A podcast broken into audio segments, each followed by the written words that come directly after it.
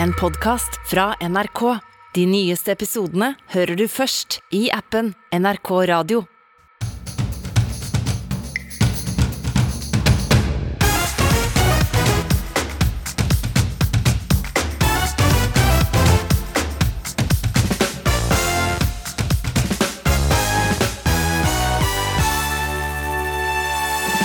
Statsminister Jonas Gahr Støre tror omfanget av russisk droneaktivitet i Norge kan være større enn hva man tidligere har trodd. Og Qatars VM-app slaktes av sikkerhetseksperter, og ryktene går om at enda et styrterikt diktatur vil søke om VM i 2030. Da blir det sportsvask på lørdag med eksperthjelp ganske straks. Når capslock er forbudt, blir til og med kommentarfeltet et koselig sted å være. Men redaktøren med de strenge reglene er litt redd for at det også kan bli kjedelig. jo, faktisk. Jeg er litt redd for det. Og så hyller vi de hovne morratrynene i ei uke der altfor mange amerikanske påvirkere har stått opp altfor tidlig for å skryte av det på Insta i My Five O'Clock Morning Routine. Vi kan starte en sånn mottrend som heter Real Five O'Clock Bitch. Og der kan vi bare være oss sjøl og gjespe og være så fæle som vi er. Riktig god lørdag. Jeg heter Marte Kaas Arntzen, og du hører på Ukeslutt. Ulovlig droneaktivitet er en ny utfordring, sier statsminister Jonas Gahr Støre, etter ei uke der oppmerksomheten rundt russisk droneaktivitet i Norge har vært stor. Sju russiske droneoperatører er registrert i Norge, det meldte TV 2 i går. Og en russisk statsborger ble stoppa på Storskog med to, droner på tirsdag. Han hadde også med krypterte bilder og tre pass, og mannen er nå varetektsfengsla. Statsministeren tror at omfanget av dronebruk i etterretningssammenheng kan være større enn det man tidligere har trodd. Jeg forstår jo at folk blir urolige når de hører dette, men, men dette tar vi altså kraftig tak i. Eh, har stor oppmerksomhet om å etterforske det. Eh, for vi skal ha oversikt over hva som skjer også på dette feltet. Dette er en av de litt nye utfordringene vi har i vårt samfunn. Droner er jo et, eh, sånn sett et nytt fenomen. Det er mange som kan fly små droner, men hva er hensikten? Hva er motivene for de som gjør det? Det må vi finne ut av. Og hvis det ikke er i tråd med norsk lov, så må vi sette en veldig klar stopper for det. Også leder for utenriks- og forsvarskomiteen fra Høyre, Ine Eriksen Søreide, sier til ukeslutt at hun tror det dreier seg om et forsøk på å innhente informasjon om norsk infrastruktur. Vi må være klar over at den måten å drive etterretning på eh, øker i omfang, og etterretningstrykket mot Norge er veldig stort nå. Det har å gjøre med at vi er et naboland til Russland, det har å gjøre med at vi er et Nato-land. Det må vi også snakke veldig åpent om, så folk eh, ser og forstår hva de også skal være på utkikk etter, hva de skal være forsiktige med å gjøre. Og ikke minst så tror jeg det er viktig for å gjøre folk oppmerksom på at den type virkemidler brukes. De brukes mye, eh, og det kan også ramme oss. Vi er ikke helt ferdig med sikkerhetssituasjonen i Europa i ukeslutt, for i disse dager så er det altså 60 år siden Cuba-krisen, og atomtrusselen den føles skummelt nær. Men det er altså ikke så enkelt som at Putin bare kan trykke på en knapp. Det skal du få høre litt senere i sendinga. Qatars VM-app slaktes av sikkerhetseksperter. Du kan like gjerne gi bort husnøklene dine, sier NRKs eh, sikkerhetsekspert om appen som alle som skal besøke Qatar under fotball-VM må ha. Det er eh, bare fem uker til mesterskapet er i gang, og debatten rundt den svært konservative oljestaten går høyt. Eh, velkommen i studio, Jan Petter Saltvedt, NRK sportskommentator. Tusen, tusen takk. Du, Fortell om den offisielle VM-appen Haya. Haya. Haya. Ja, den uh, ser fin og flott ut uh, umiddelbart. Og så er det noen underliggende ting uh, ved den som vi har fått eksperter på denne type ting til å se på. Det er jo ikke noe nytt med apper at det kommer opp en masse veldig liten skrift som man må trykke at man godtar for å kunne få alle disse fantastiske funksjonene. Nei, Vi husker Smittestopp, f.eks. Uh, smittestopp var jo et eksellent eksempel. Den første varianten der er jo det dette sammenlignes med også, særlig denne Eteras, uh, som er smittesporingsappen. Denne Haya må man ha, viser det seg. Fordi det er den som gir deg tilgang på, gratis, på gratis kollektivtransport på det nye metrosystemet, som man regner med man nesten må ha for å i praksis komme seg rundt. For det er forventet et uh, trafikkaos uten like med den millionen som man forventer ekstra mennesker. Og i tillegg alle billettene du nødvendigvis uh, har kjøpt uh, når du skal dit, er også kun tilgjengelig via denne appen, som i tillegg uh, idet du har akseptert vilkårene, kan gå inn og gjøre en god del ting på telefonen din uh, i praksis. Uh, overvåke deg, rett og slett? Rett og slett. Den vet hvor du er, og vet den hvor du er, så vet den også hvem som er i nærheten av deg. Uh, hvis du har gjort noe galt i qatarske øynene, og de vil vite hvem du har vært sammen med, eh, så kan du nekte å si det. Men dette kan spores hvis du jobber som journalist. Det er jo en del som vil prøve å få snakket med alternative stemmer, eh, selv om eh, de stort sett blir fjernet når det er VM hvem som er kilder der. homofile, andre menneskerettighetsaktivister vil kunne spores, også hvem som er rundt deg. Og det jo, gir jo ganske skremmende perspektiver i uh, sammenhengen. I tillegg til at den kan gjøre en del sånne morsomme ting som å skru av moduser uh, i praksis. Så forventer man at det kommer oppdateringer som gjør at den kan styre hele mobilen igjen. Hente ut det den vil av informasjon og da eh, blir det plutselig ikke så veldig gøy å skulle hente fram disse billettene du trodde du var så glad for å ha fått til kamper. Eller å ta metroen gratis. Og dette er jo ultrakonservative eh, Qatar. Eh, VG skrev i går at NFF-president Lise Klavenes tror på fullstendig sammenbrudd i internasjonal fotball dersom et annet ultrakonservativt land, Saudi-Arabia, blir tildelt fotball-VM i 2030 som de søker om. Hvor aktuelt er det? Jeg, umiddelbart ville jeg sagt at det er ikke aktuelt. fordi Dette pleier å gå på en slags uh, turnus. Uh, sånn at Neste er da i 2026 er USA, Canada og Mexico sammen. Da vil man tenke at nå er det på tide med et, et mesterskap i Europa igjen. En søknad med Spania og Portugal, som også har fått med Ukraina. Men så skjer jo en del ting i internasjonal toppfotball, særlig på eiersiden, hvor disse statene legger helt uhorvelig mye penger inn i å skaffe seg en posisjon. Plutselig begynner man å lure på om eh, Saudi-Arabia, som får, har en veldig nær kontakt med presidenten i internasjonale uh, fotballforbundet, Gianni Infantino Han har vært der flere ganger på besøk? Han har vært der, han skryter voldsomt av uh, hvilke fremskritt landet gjør, hvor fint det er der. Han skulle selge inn at de skulle ha VM i Qatar, så ta dere en liten tur innom Saudi-Arabia også når dere først er i regionen. Han har et altfor nært forhold til kronprins eh, bin Salman. Da begynner man å frykte at eh, et VM til Saudi-Arabia allerede i 2030, som er et åpenbart mål for dem, kan være aktuelt. Jeg tror ikke systemet kollapser, som Lise Klavenes eh, sier. Jeg tror systemet er på vei til å akseptere den type krefter i fotballen. Det er ikke bra i det hele tatt, men jeg tror det er realitetene. Dessverre. Jan Petter Saltvedt, tusen takk for at du kom til ukeslutt. Og Hva med deg som hører på nå og gleder deg til å se fotball-VM om bare noen uker? Kan du egentlig gjøre det uten å skamme deg? Vi tar debatten ganske snart. Innlegget kommer inn foran mål, og det blir en avslutning! Ja da! Vi går heller konkurs enn å vise ett sekund av Qatar-VM. Spesielt mye tydeligere enn fotballpuben Ball går det neppe an å bli i debatten rundt verdens største idrettsarrangement. Ifølge Amnesty så har altså 15 000 migrantarbeidere mista livet i Qatar siden landet ble tildelt VM. 21.11 er det klart for avspark, men det får du altså ikke se på sportspuben Ball i Oslo, styremedlem Frode Lia. Hvorfor ikke det?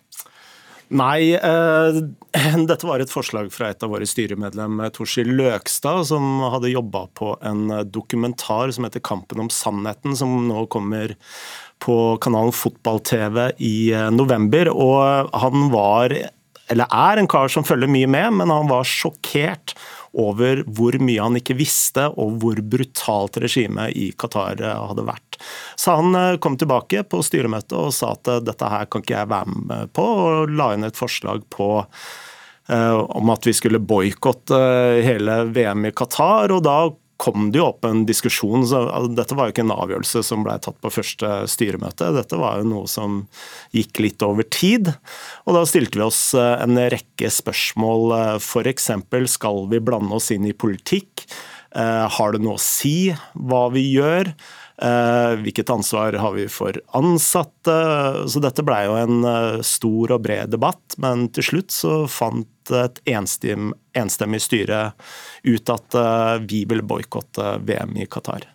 Og uh, rett og slett pga. Uh, altså det er litt todelt. Uh, det er jo alle disse menneskene som har dødd, altså 15 000, og med betydelige mørketall. Det er verdt å legge merke til. Men så er det også kampen om fotballen. vi hadde jo et innslag her nå om at Saudi-Arabia ville da søke, eller vil søke VM Eh, i, eh, i 2030, var det vel. Eh, og, og det er jo et regime som er enda mer brutalt enn en Qatar. Så dette handler også om kampen om fotballens sjel på mange måter. Eh, ikke noe fotball-VM på ball i Oslo også, men det blir det hos deg, Tommy Christoffersen, som er daglig leder av sportsklubben Goggen i Drammen. Eh, hva tenker du om innvendingene vi hører fra Frode Lia her? Nei, For det første må jeg si at vi tar jo sterk avstand fra alt som eventuelt eh, skjer der nede, med tanke på brudd på menneskerettigheter og de tingene der. Og det er jo også stilt spørsmål rundt uh, tildelingen av Qatar-VM for tolv år siden, uten at jeg har noe inngående kjennskap til det.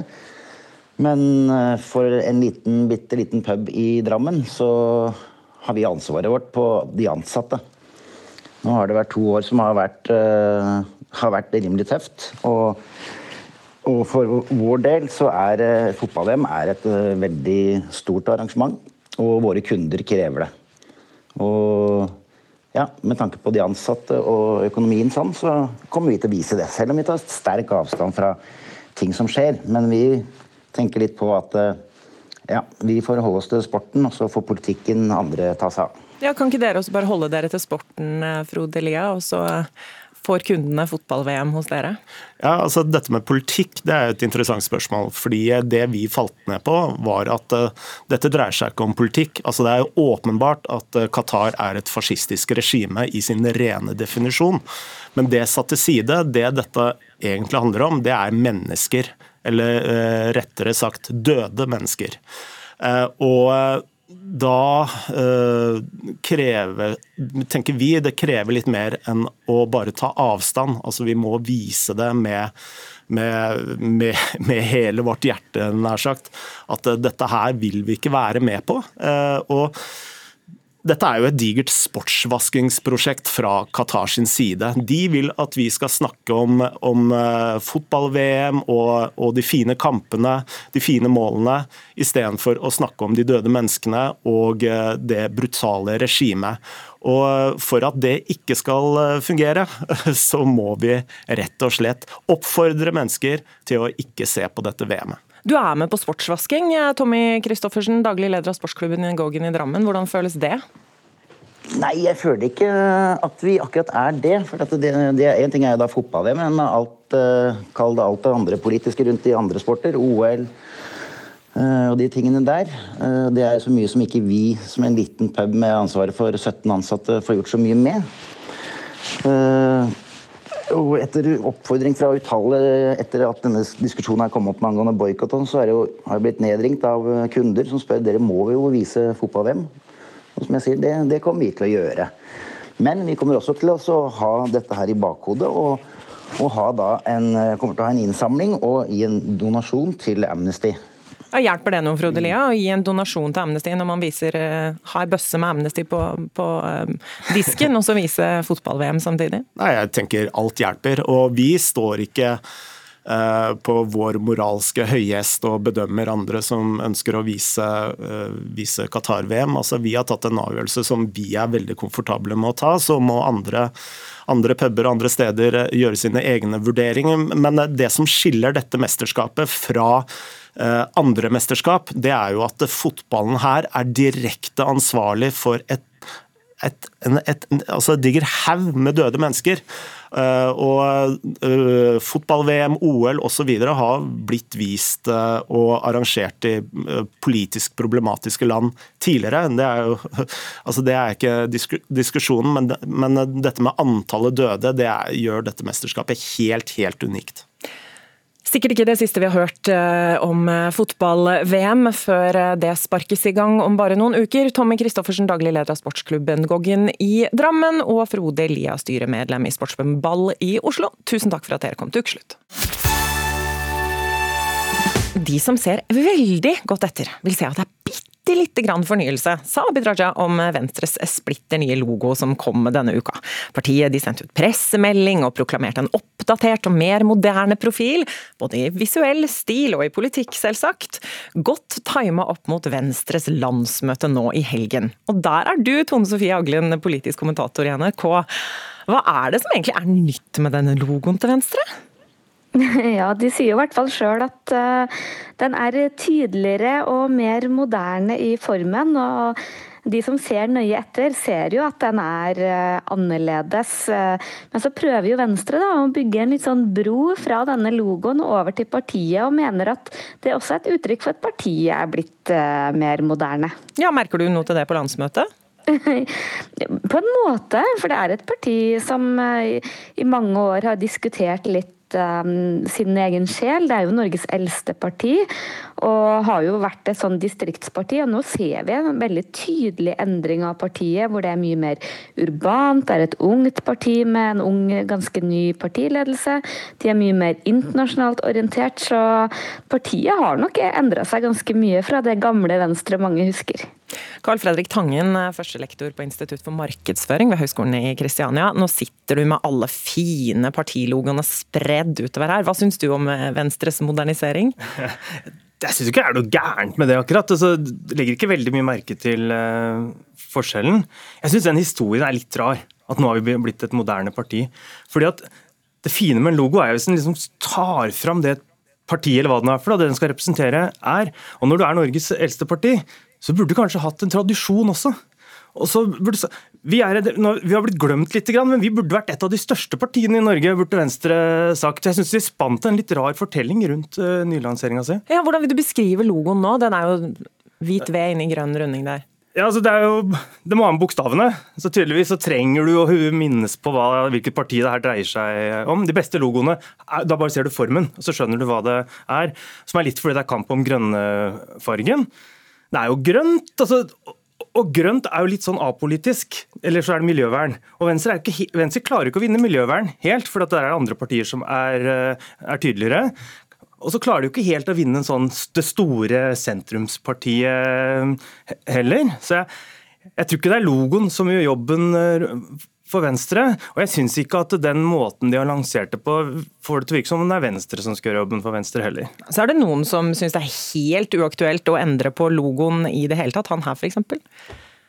Det er jo rosa, da. Eh, og den har i hvert fall i min tid i Arbeiderpartiet hatt litt sånn ulike former. Jeg syns den er veldig fin nå. Jeg syns den er en varm rødfarve. Og så er jo rose Jeg blir jo glad når jeg ser en rose. Det er kjærlighet, det er varme, det kan lukte godt. Eh, og jeg syns den fargen er veldig fin. Så vi er jo veldig trygge på det. Vi kommer ikke til å lage noe ny logo, men det kan jo komme kanskje nye versjoner av rosa. Ja, er du enig med statsminister Jonas Gahr Støre her? Jeg er enig i at det er en fin rose. Jeg er enig i at rose er et fint symbol. Eh, Rosa har en lang sosialdemokratisk historie, altså som både er 130 år gammel eller noe sånt, og som er 30 år. Eh, det sosialdemokratene bl.a. skulle gjøre, var jo ikke være kommunister. Eh, og Hammer og Sigd og sånn. Kommunistisk parti har jo kjempefin logo som ikke gir noen velgere i det hele tatt. Og, og rose, altså, Husk på dem som putta blomster liksom, i geværløpa til de sovjetiske soldatene som invaderte Tsjekkia. Rose er liksom sosialdemokratisk, men veldig demokratisk, med vekt på demokratisk. da. Og så er det et symbol som eh, er lett å illustrere både lite og smått og enkelt og komplekst, og, og som har alle de fine fortellingene knytta til seg. Så jeg tror det er lur, Arbeiderpartiet er lurt av å holde på rosa si. Ja, Vi skal holde oss i floraen og Carl von Linnés verden, fordi det er en annen partilogo, Tone Sofie Aglen, som var litt mer dramatisk da Senterpartiet bytta ut firkløveren sin? Ja da, det er ikke alltid det går så bra.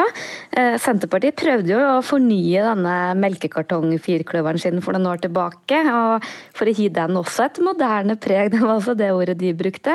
Men da kom det biologer på banen og sa at det der er jo ikke noe kløver, det er en gauksyre. Og det var jo en periode hvor partiet sleit i motbakke, og da ble det veldig lett Eh, for kommentatorer og andre å trekke fram at eh, gauksyra den trives best i skyggen, i surt jordsmonn, så det tok ikke så veldig lang tid før Senterpartiet var tilbake med en firkløver. Eplet til Fremskrittspartiet ligger også foran deg på bordet her, Carl Fredrik Tangen. Hva syns du om det? Jeg syns ikke det er så dumt. Det, det, har jo vært i juridisk kamp med Apple, altså IT-selskapet, for, for, å ha den, eh, ha den, logoen. Så er det litt morsomt at de er røde. Altså, det er jo et rødt eple. Men Arbeiderpartiet er jo rød, liksom sosialister er røde. Ja, men folkelige partier er også røde. Altså, så, så, her tråkker jo Fremskrittspartiet inn på andres bane liksom, og sier at her skal vi, her skal vi være. Så jeg syns det er frekt og morsomt av Fremskrittspartiet å, å gjøre. Og og så er jo, Eple er jo litt sånn så Snøhvit ble lurt med og sånn også, da, så det er litt morsomt for andre å, å bruke. Men jeg, jeg, liker den, og de kan putte bokstaven sin inn, og den fungerer i, i små skalaer. Så jeg tror det er hvis det er noen logoer som blir endra av funksjonelle grunner, så er det fordi det ikke fungerer på små skjermer og sånn. Ja, Vi må snakke mer om funksjonalitet, fordi Ine Eriksen Søreide fra Høyre er fryktelig glad i, i den blå logoen deres. Den, jeg syns den er veldig fin, for den har en kombinasjon av uh, å ta vare på historien og tradisjonen med, med høyrebølgen. Uh, så er den i en litt nytt format, eller ny, litt ny tapning nå. Det som ofte har vist seg å være et problem med pins med logoen vår på, er at de snur seg opp ned. Og der veit jeg at det nå iverksettes tiltak, sånn at det skal bli lettere å holde bølgen riktig vei. Kort til slutt, Karl Fredrik Tangen. Hvor viktig er dette med funksjonalitet i sånne logoer? Det, det er viktig, fordi at innholdet fylles opp eh, etter hvert som partiet gjør det det holder på med. Så, så det er jo et tegn som skal fortelle en, lang, en stor historie med bare ett uh, kjapt blikk. Så det må funke. Så jeg tror f.eks. KrF kommer til å kanskje måtte endre litt på logoen sin.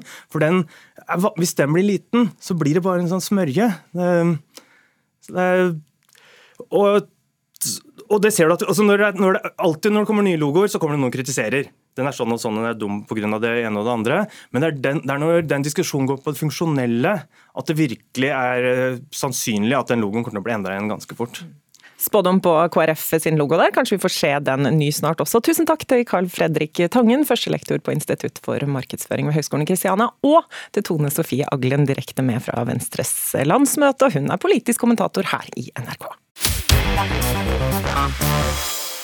Det aller mørkeste stedet på jorda, det er ikke Norge i november, det er kommentarfeltet. Bortsett fra i Fredrikstad Blad, da, for der har de forsøkt å gjøre nedre halvdel av internett til et litt hyggeligere sted å være, med flere grep for å redde debattklimaet i avisa. René Svendsen, sjefsredaktør i Sjefredaktør heter det, i Fredrikstad Blad.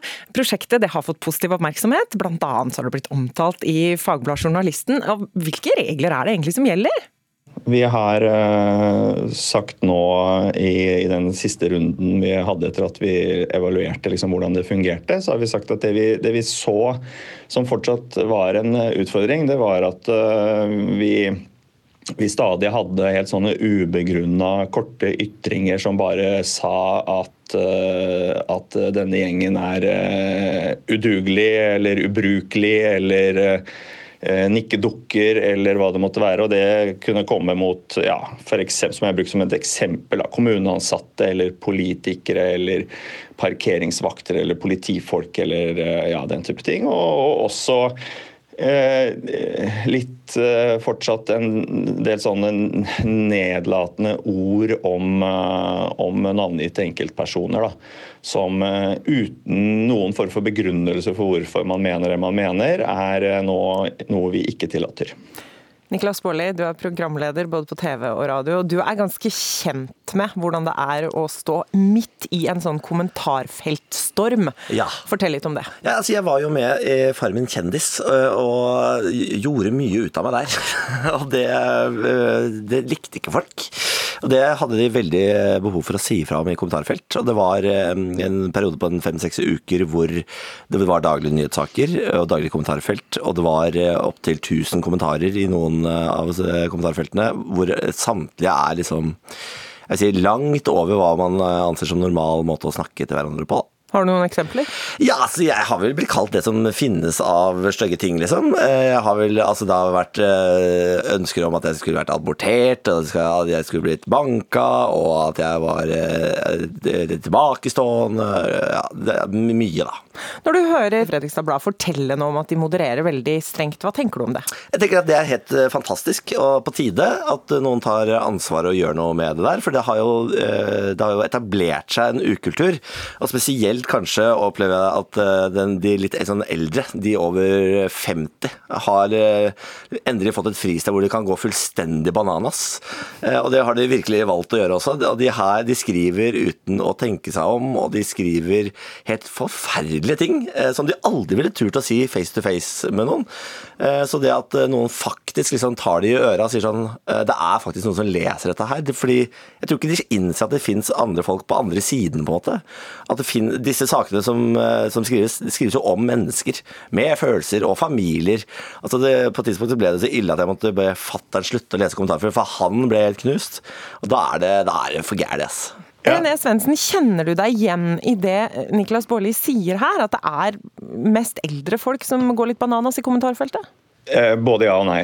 Eh, jeg ser eh, at når det kommer til de som nå går over streken med måten å omtale hverandre på, så um, Kanskje en overvekt, men jeg syns det er relativt eh, greit uh, fordelt, altså. På det, det, som, det, som, definitivt er et fenomen, er at det er flest menn som går over streken. Det, det tror jeg bare vi må, må innse.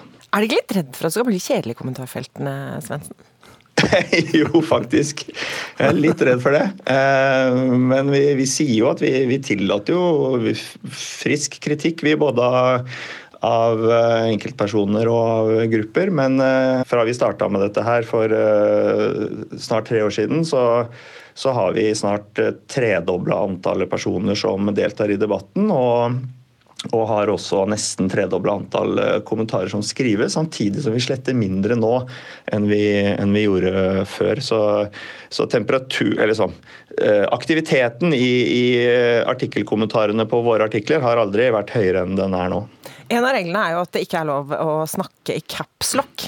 Niklas Baarli, der er jo du ganske god. Hadde du klart å overholde reglementet til Fredrikstad Blad? Ja, altså jeg prøver å holde meg unna kommentarfelt. Eh, og, rett og slett? Ja, rett og slett. Jeg får snakke nok i, i, privatlivet. Og jeg mener jo egentlig at man skal bare stenge av det jævla kommentarfeltet. Så jeg skal være helt ærlig, For trenger man egentlig å la alle skrike uh, alle meningene sine hele tiden? Hvorfor det? De trengte ikke det før i tida.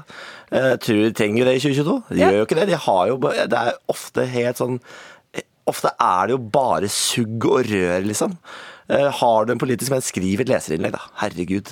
Du er jo i stand til det hvis du har sterke meninger. Svendsen, hvorfor stenger dere ikke bare kommentarfeltene? Dette må jo være mye jobb å moderere også? Ja, hvis det hadde vært som, eh, som, Niklas sier, hvis vi hadde opplevd det sånn at det bare var surr og røre der inne, så hadde vi jo, da hadde vi jo dette prosjektet vært avslutta for lenge siden. Men det vi har sett, er at vi faktisk har klart det. Nå er det veldig annerledes for oss som en uh, lokalavis i en sånn mellomstor norsk by. vi hos oss så skrives det mellom 150 og 200 kommentarer eh, hver dag. Det er faktisk håndterbart. Vi leser alt, og vi sørger for at eh, modereringa vår bidrar til at eh, det innholdet som slutt som kommer ut, det, det, holder en helt annen kvalitet enn surr og rør. Da. Mens jeg skjønner at det er sånn det blir hvis du har et relativt umoderert kommentarfelt på Facebook-siden til en annen kjendiskanal. Eh, da er det omtrent umulig å holde kontroll på kommentarene. Og da er jeg helt enig med Niklas. Da er det bare å stenge det, for den debatten trenger vi ikke. Tusen takk til dere begge to, og en riktig god helg i capslock fra meg, da René Svendsen, sjefredaktør i Fredrikstad Blad, og Niklas Baarli, programleder både TV og radio. God helg! Natos generalsekretær Jens Stoltenberg advarte Russland etter ukas forsvarsministermøte, og gjorde det klart at Nato vil svare hvis Russland bruker taktiske atomvåpen i Ukraina. Det Russland nå gjør er farlig, eh, fordi eh, det er å true med bruk av eh, atomvåpen i en konflikt som allerede er brutal og uforutsigbar.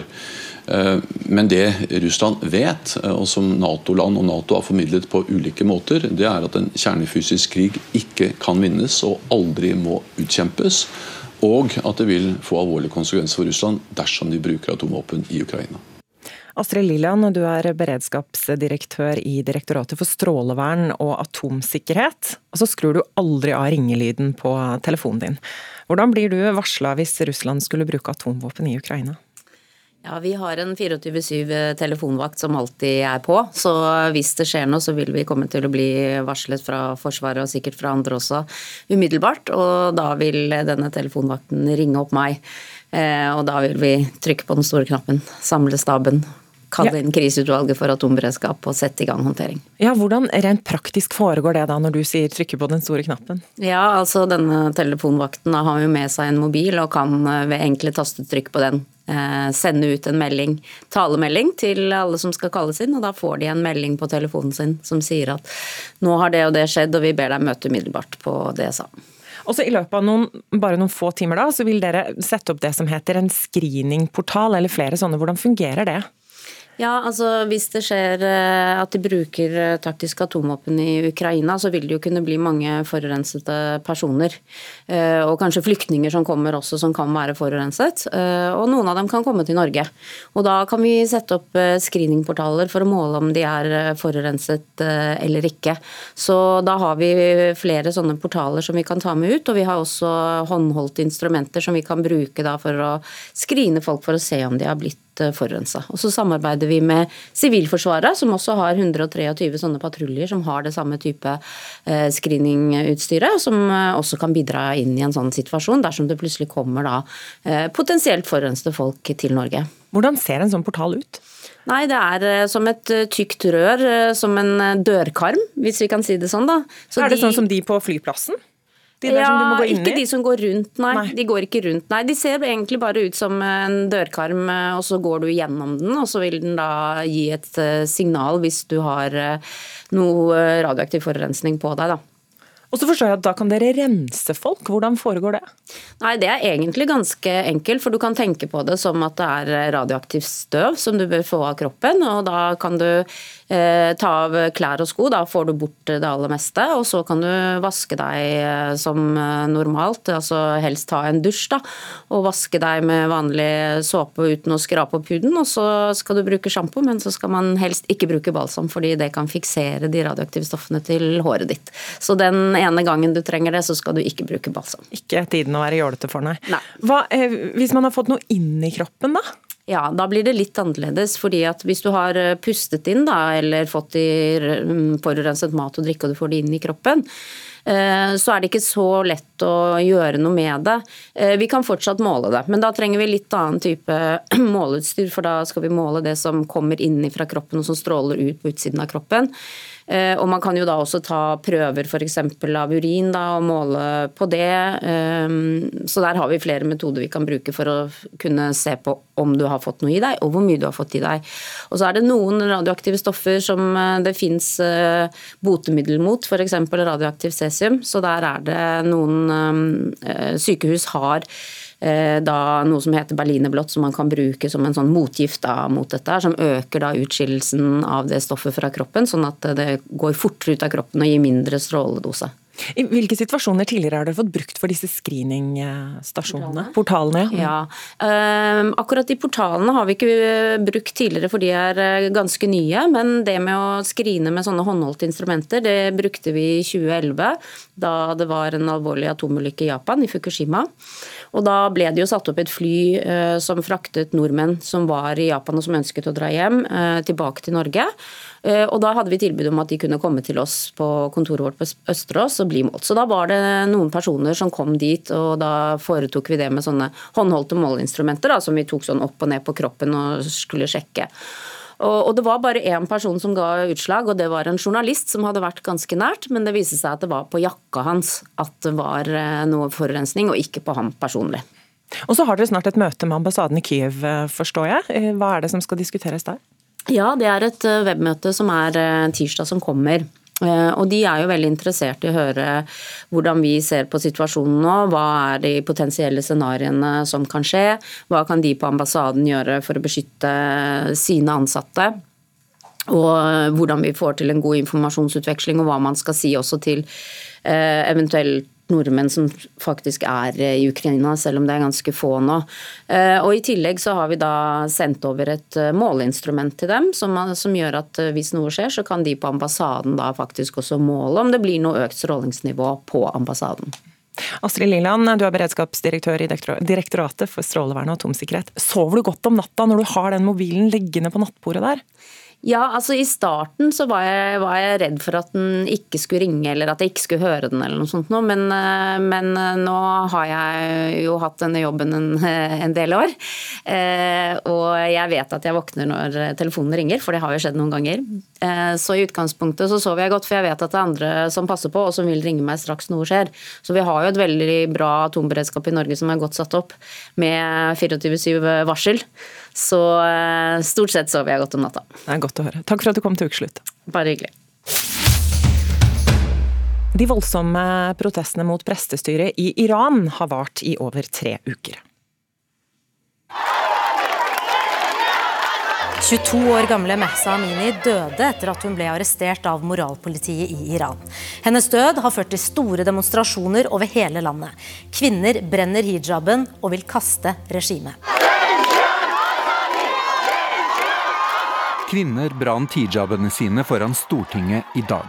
Until the women of Iran are free, we are going to stand with you. Går det, ja Også her hjemme eh, er engasjementet rundt eh, opptøyene i Iran veldig stort. Går det an å gå med hijab og samtidig kjempe for iranske kvinners rett til å ta den av? Det spurte du om på debattsidene i eh, avisa Oslo Frp-politiker Arne Rune Gjelsvik. Og nå har du fått svar av Hanan Abdelrahman, samfunnsdebattant og mattelærer. Hva er det ved innlegget til Gjelsvik som gjør at du får lyst til å stramme hijaben din litt ekstra?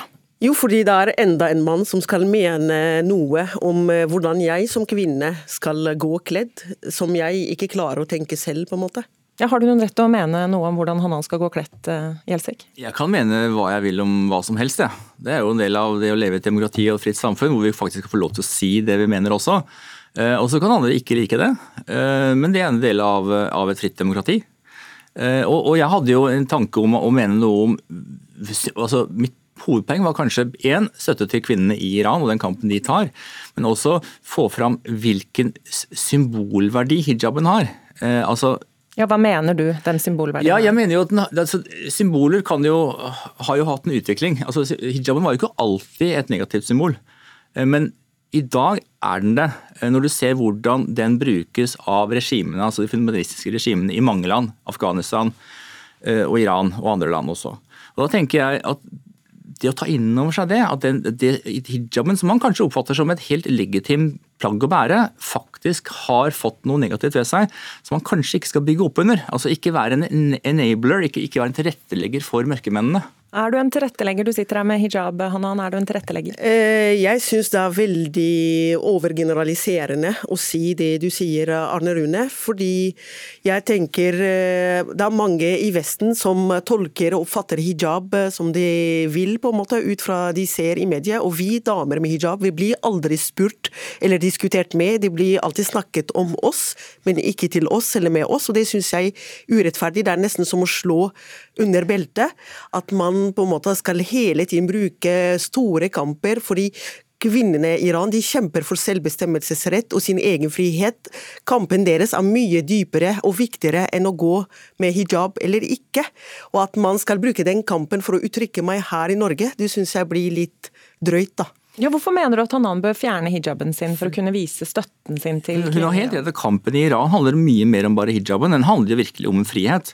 Men hijaben er jo blitt et symbol på dette her. På symbol på det som undertrykker. Og da tenker jeg at Hvis man vil støtte denne kampen, så bør man kanskje kaste hijaben. For det er ingen tvil om at vi har også elementer av sosial kontroll i Norge i en del fundamentalistiske miljøer. Ikke bare muslimske, også kristne, men hijaben er blitt et symbol på det vi kaller eh, sosial kontroll i en del miljøer.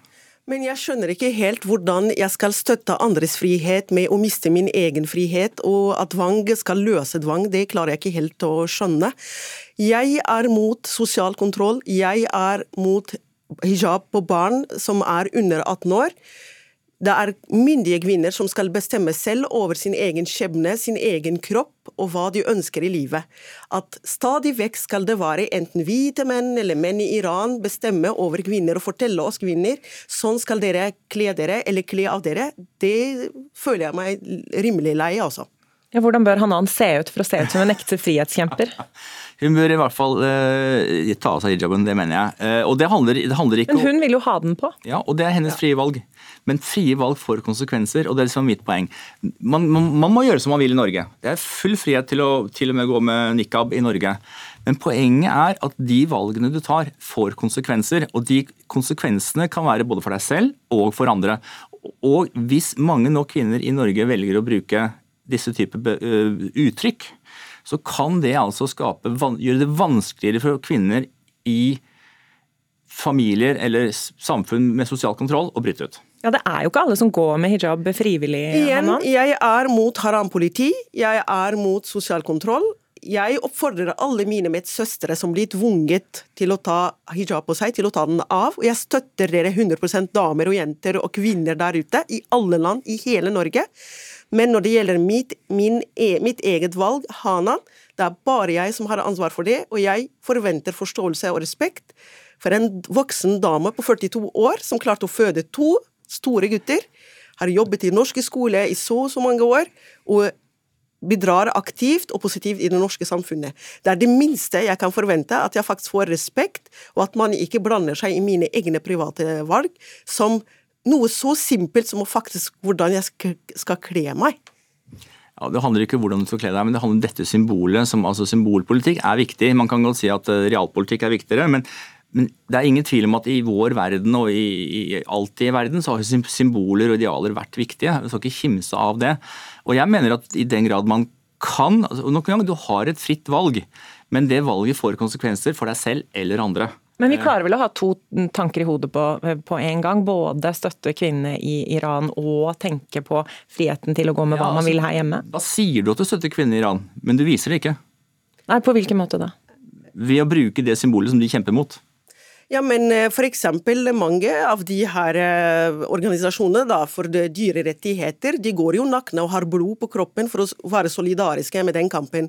Må alle gå nakne og ha blod på kroppen for å støtte? Jeg er veldig solidarisk med NOA og alle mange sånne organisasjoner, selv om jeg ikke går naken og har blod på kroppen. Og jeg tenker det viktigste og kjernen i hele greia egentlig er friheten, selvbestemmelsesrett.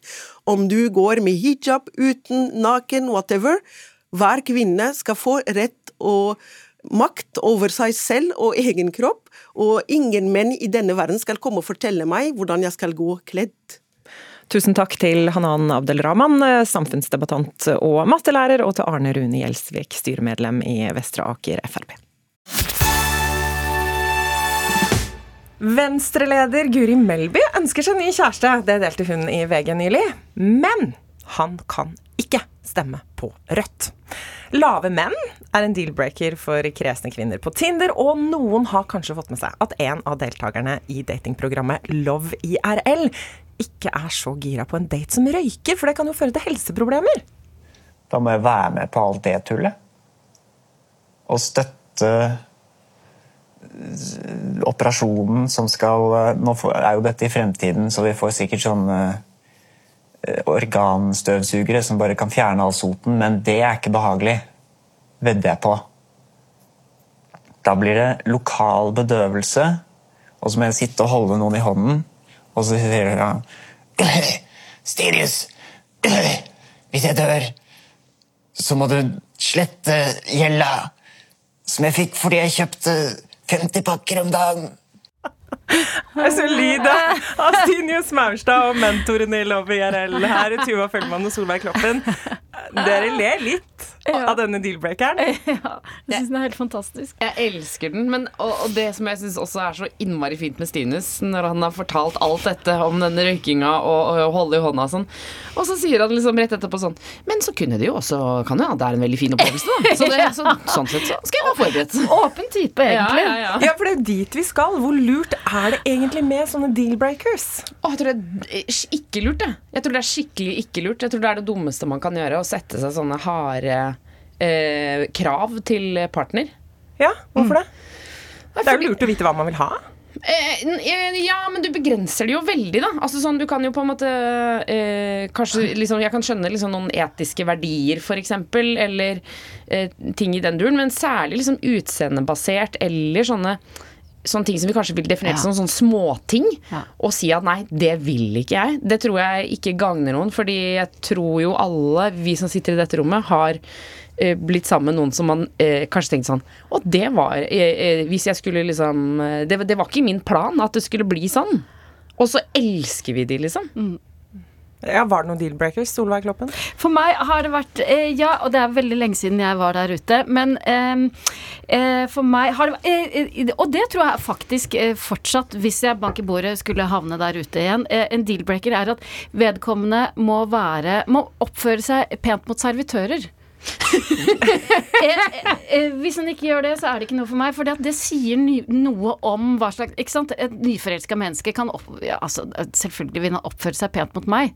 Men hvis du ikke gjør det mot servitører da, du, må gjøre det, du må oppføre deg pent mot alle mennesker. Deal-breaker. Og så husker jeg at jeg hadde eh, en deal-breaker før jeg ble sammen med eh, Kjartan, som jeg nå er gift med. Det var, jeg kunne ikke være sammen med menn med sånn eh, eh, lærsmykke med sånn eh, hvaltann i. Eh, eh, det viste seg at det hadde Kjartan, men det, det, det forsvant. Og du mistet det? det Ah, så rart. Den maltanna er ikke her lenger. Men det er det jeg mener, da. For tenk at du, har, du ble sammen med en som hadde læresmykke. Ja, tenk det.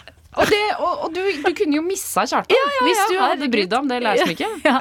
Hva med deg da, Tuva? Eh, nei, ja, vet du hva, Jeg har vurdert frem og tilbake eh, lenge om jeg skal si dette eller ikke. For jeg syns det det. er en helt forferdelig ting som jeg hadde Men det er, mange, det er mange år siden. Jeg var ung og altfor bresk eh, og altfor høy selvtillit for meg sjøl. Men jeg ville ikke være sammen med en som hadde noe annet enn Oslo-dialekt. Nei! Hæ? Hva? Å, gud, jeg kan ikke si det. Er det sant? Ja, det er jo helt forferdelig. Hvorfor?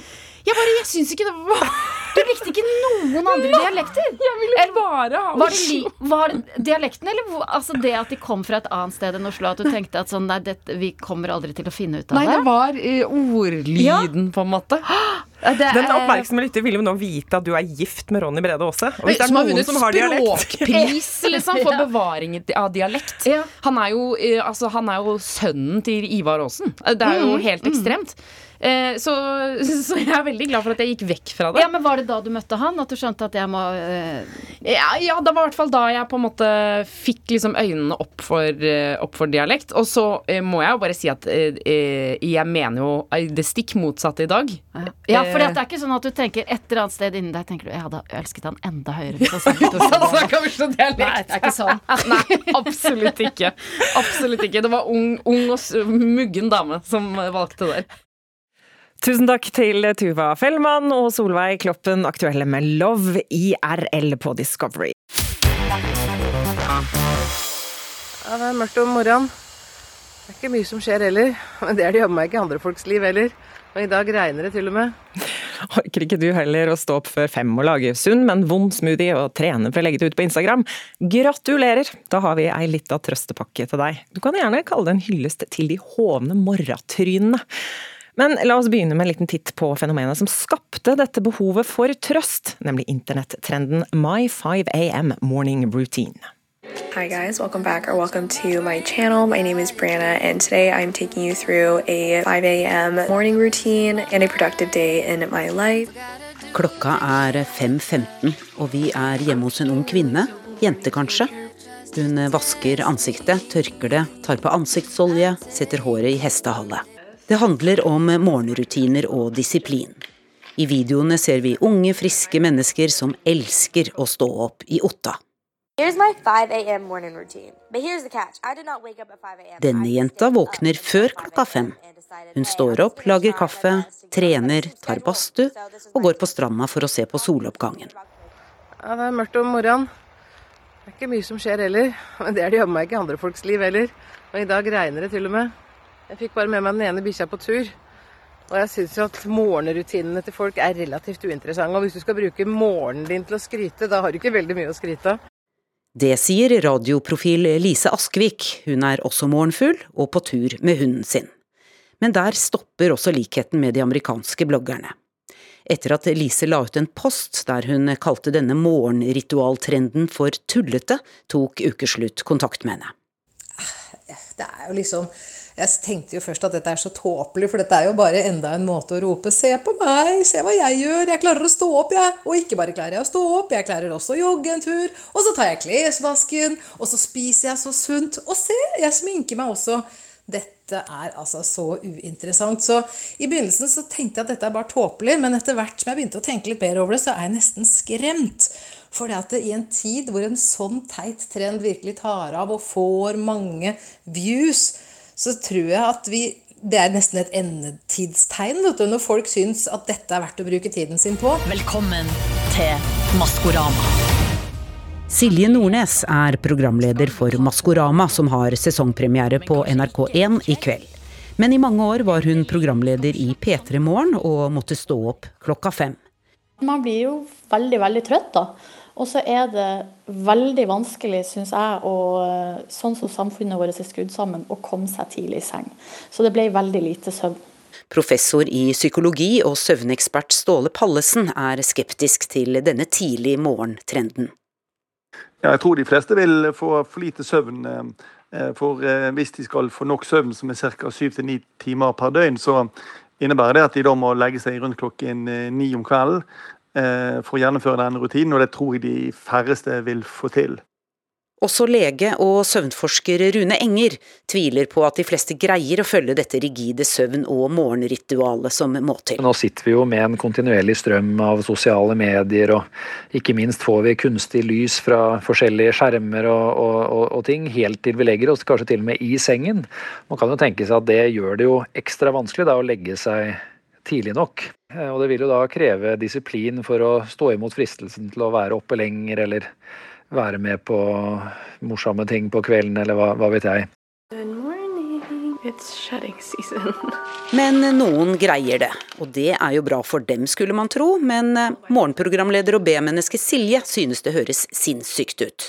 Det å skulle stå opp klokka fem, og så på en måte trene og holde på og ha liksom masse greier som du skal, og så skal du på jobb ni, og så er du ikke ferdig før halv fem. For meg høres det helt sinnssykt ut, liksom. Lise Askvik er som sagt også morgenfugl, med et tett program og stort engasjement hun også.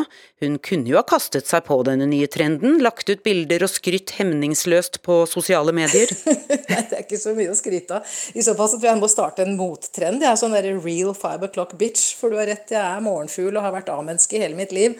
Så det går faktisk an å være aktiv tidlig om morgenen, men man trenger ikke å skryte av det.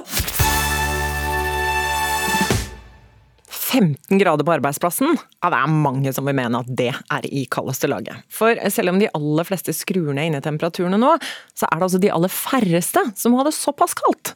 Og det at de i tillegg jobber med hendene, ja det gjør det selvsagt ikke noe enklere. Reporter Knut Øyvind Hagen har forsøkt å finne ut av hvilken innetemperatur som gjør oss mest effektive, og han begynte med et besøk hos en liten musikalsk yrkesgruppe. Ja, velkommen inn til Kulla kulda i uh, Grønland kirke.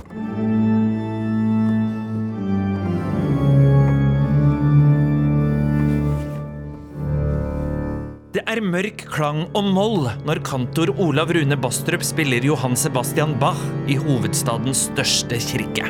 Iført varm jakke lar han stive og kalde fingre løpe over orgelet. Det har gått bra så langt, men så kommer det som er hurtig. Og han sier han ikke klarer å spille på sitt vanlige nivå. Når du stivner, så, så slapper du heller ikke av. Og da rett og slett får du ikke flyten i, i, spillet. Og det er ikke det minste rart at det er vanskelig å spille i en kald kirke, sier Sintef-forsker Mariann Sandsund. Vi vet jo at eh, ved hånd- og fingertemperaturer på 20 grader, da vil man få en redusert eh, fingerferdighet. Og hvis det nærmer seg 15 grader, så vil prestasjonen bli enda dårligere. Det viser forskninga. Kirkene er et av mange steder man nå skrur ned temperaturen. Der skal den helt ned i 15 grader. Tenk deg i januar, da. Eh, hvordan det blir da. Det um, tør ikke jeg å tenke på. Men det skal ikke stå på kreativiteten. Med støtte fra arbeidsgiveren har han gått til anskaffelse av en stillongs med teknologisk touch. Nå har jeg eh, bestilt uh, en varmestillongs med varmetråder i. Og som du da kan koble til datamaskinen via en USB for å holde varmen. Vi slår en koka mannens En hel nasjon lærte å holde varmen sammen under OL på Lillehammer. Og det kan være nyttig å holde seg i aktivitet når gradestokken kryper nedover. Jeg forflytter meg et steinkast fra Grønland kirke til Papaya barnehage. Der er det dans og sang om bukkene Bruse som gjelder. Mellom bukken Bruse tramper over Follebro. Tar jeg deg, sa trollet, var så hu. Men også her har man funnet fram sparekniven. Ja, nei, altså Som du ser, så har vi stengt eh, døren til eh, grovgarderoben. For der skal det være litt kaldere. Leker apekart? Temperaturen skal nå ligge på mellom 19 og 21 grader. Daglig leder for Canvas barnehager sier det er et nødvendig grep, og at de tar hensyn til at barn er sårbare. Vi er helt klar over at ikke alle mennesker kan regulere temperatur like bra, og det gjelder spesielt de minste barna. Så her har de voksne i eh, våre barnehager et stort ansvar å bidra til at ingen skal fryse og ha det ubekvemt. Så tenker vi også at det er viktig at barna involveres i dette tiltaket om å senke temperaturen i gjennomsnitt med én grad, eh, sånn at de også er med på at hvis det er litt kaldt, så kan man ta på seg en ekstra genser og og kanskje noen strømper, da. Jeg lurer på, Syns dere det er øh, varmt eller kaldt i barnehagen? Varmt. Det er varmt her? Ute er det kaldt. Ja, ute er det kaldt. Har dere lært at man skal spare strøm i barnehagen? Ja. Det er sånn. Men eh, hva gjør man her i barnehagen for at man skal spare strøm, da? Vet dere det? Ja. Hva da? Skru av lyset. Dere skrur av lyset? Ja. badstue, badstue for rån. Badstue, badstue, en artig tradisjon. Vi tar steget inn i varmen i badstuenes verden. Stortinget bestemte denne uka at badstuen der skulle stenges. Jeg har derfor tatt med meg FrPs Tor André Johnsen, som har sort belte i sauna, til en badstue på Aker Brygge. Det er damp, flammer og glødende badstueengasjement. Vi fyrer på litt mer her. Vi burde ha legge litt mer ved òg. Ja, deilig. Du ser jo dampen nå, vet du. Nå er det skikkelig fuktig. Nå blir det varmt her. Nå kjenner du det. Han sier det er riktig at Stortinget stenger badstua. Det tror jeg egentlig er klokt.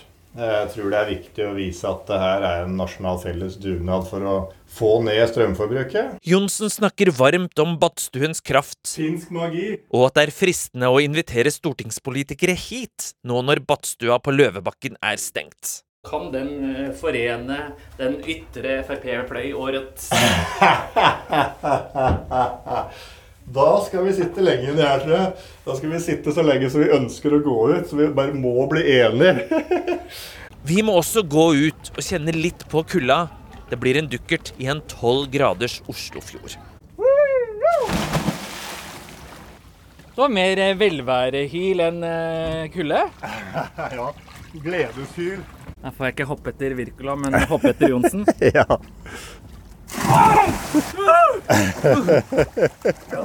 Vi finner imidlertid raskt varmen igjen, og fra badstuen i 90 grader sender joviale Johnsen noen varme tanker til en kald organist.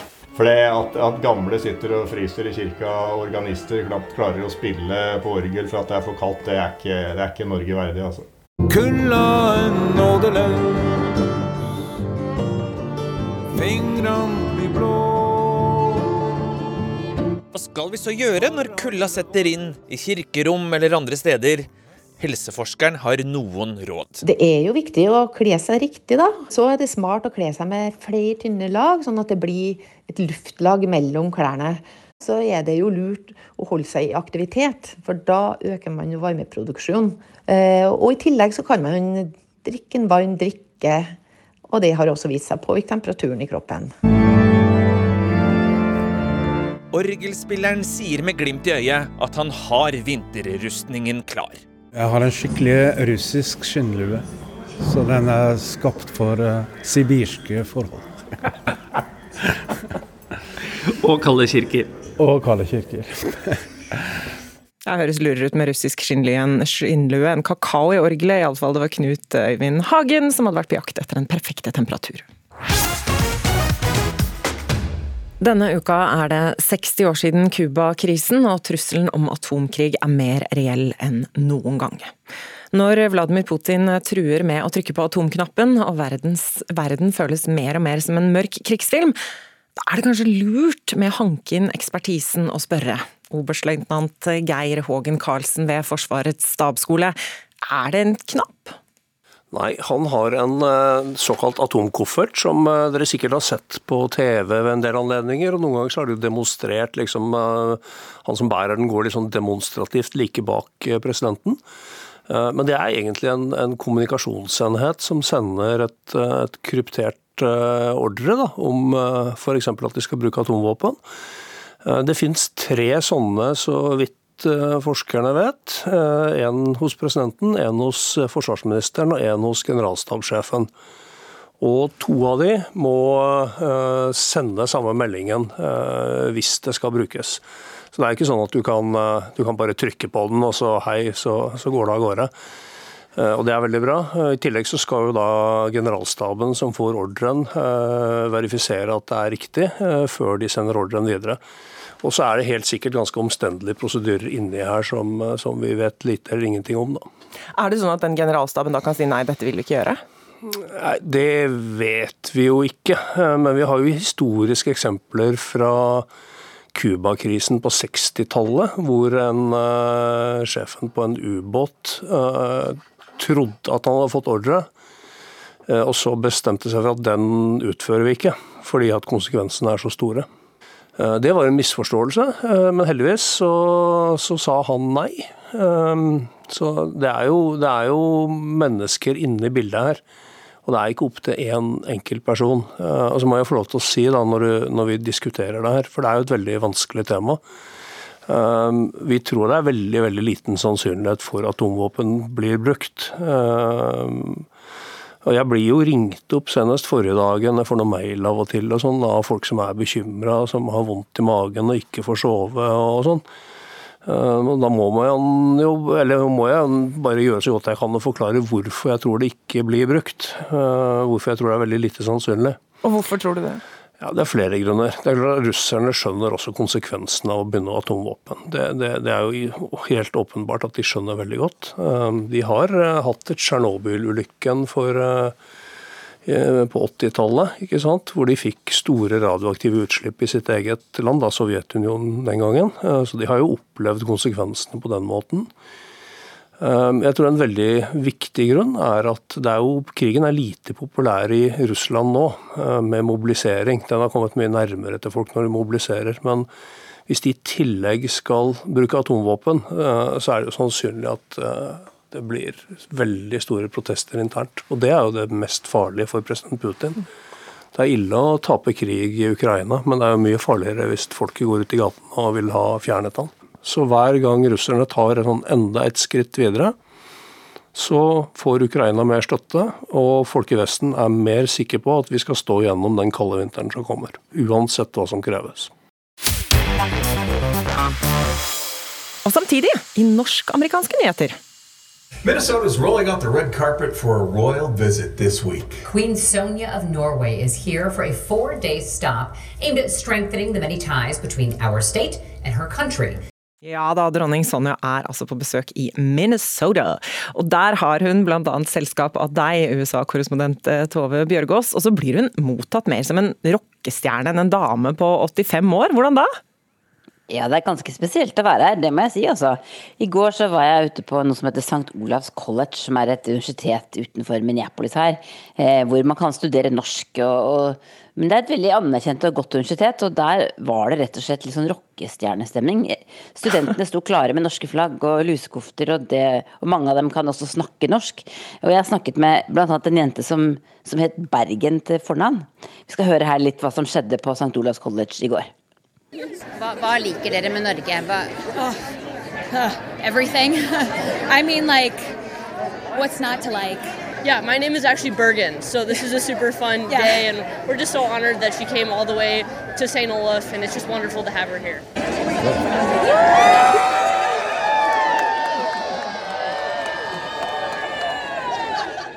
Men historien er verdt å beholde fordi det er en del av den store norske migrasjonshistorien. Tusen takk. Veldig flott. Nydelig norsk, da. Tusen takk. Ja. Har du vært i Norge helt nå nylig, eller? Nei, jeg har ikke vært i Norge siden uh, 2016. Ja, Da er det på tide å komme tilbake. Ja. Ja, det er veldig artig å høre om Ja, det var litt av en jubel, eh, Tove Bjørgaas. Ja, det, det er veldig veldig stor entusiasme. Og, og her eh, i Minnesota så er jo Norge rett og slett kult. Altså det er veldig kult å si at man er norsk. Jeg snakket også med en del studenter som ikke har norske aner, og de sa at det, det er liksom det der, Norge er liksom noe, noe veldig bra. Og jeg tror også det er blitt forsterket av det som har skjedd f.eks. rundt den demokratiske politikeren Bernie Sanders, som har snakket mye om Skandinavia og, og alt det vi har av gratis utdanning og andre ting. Eh, så folk har blitt kanskje unge amerikanere tror jeg kanskje har blitt enda stoltere av sine norske røtter enn det de var tidligere. Her hjemme da, så lurer sikkert innmari mange på om dronningen vil si noe om sin kommende amerikanske svigersønn. Har vi fått vite noe om det?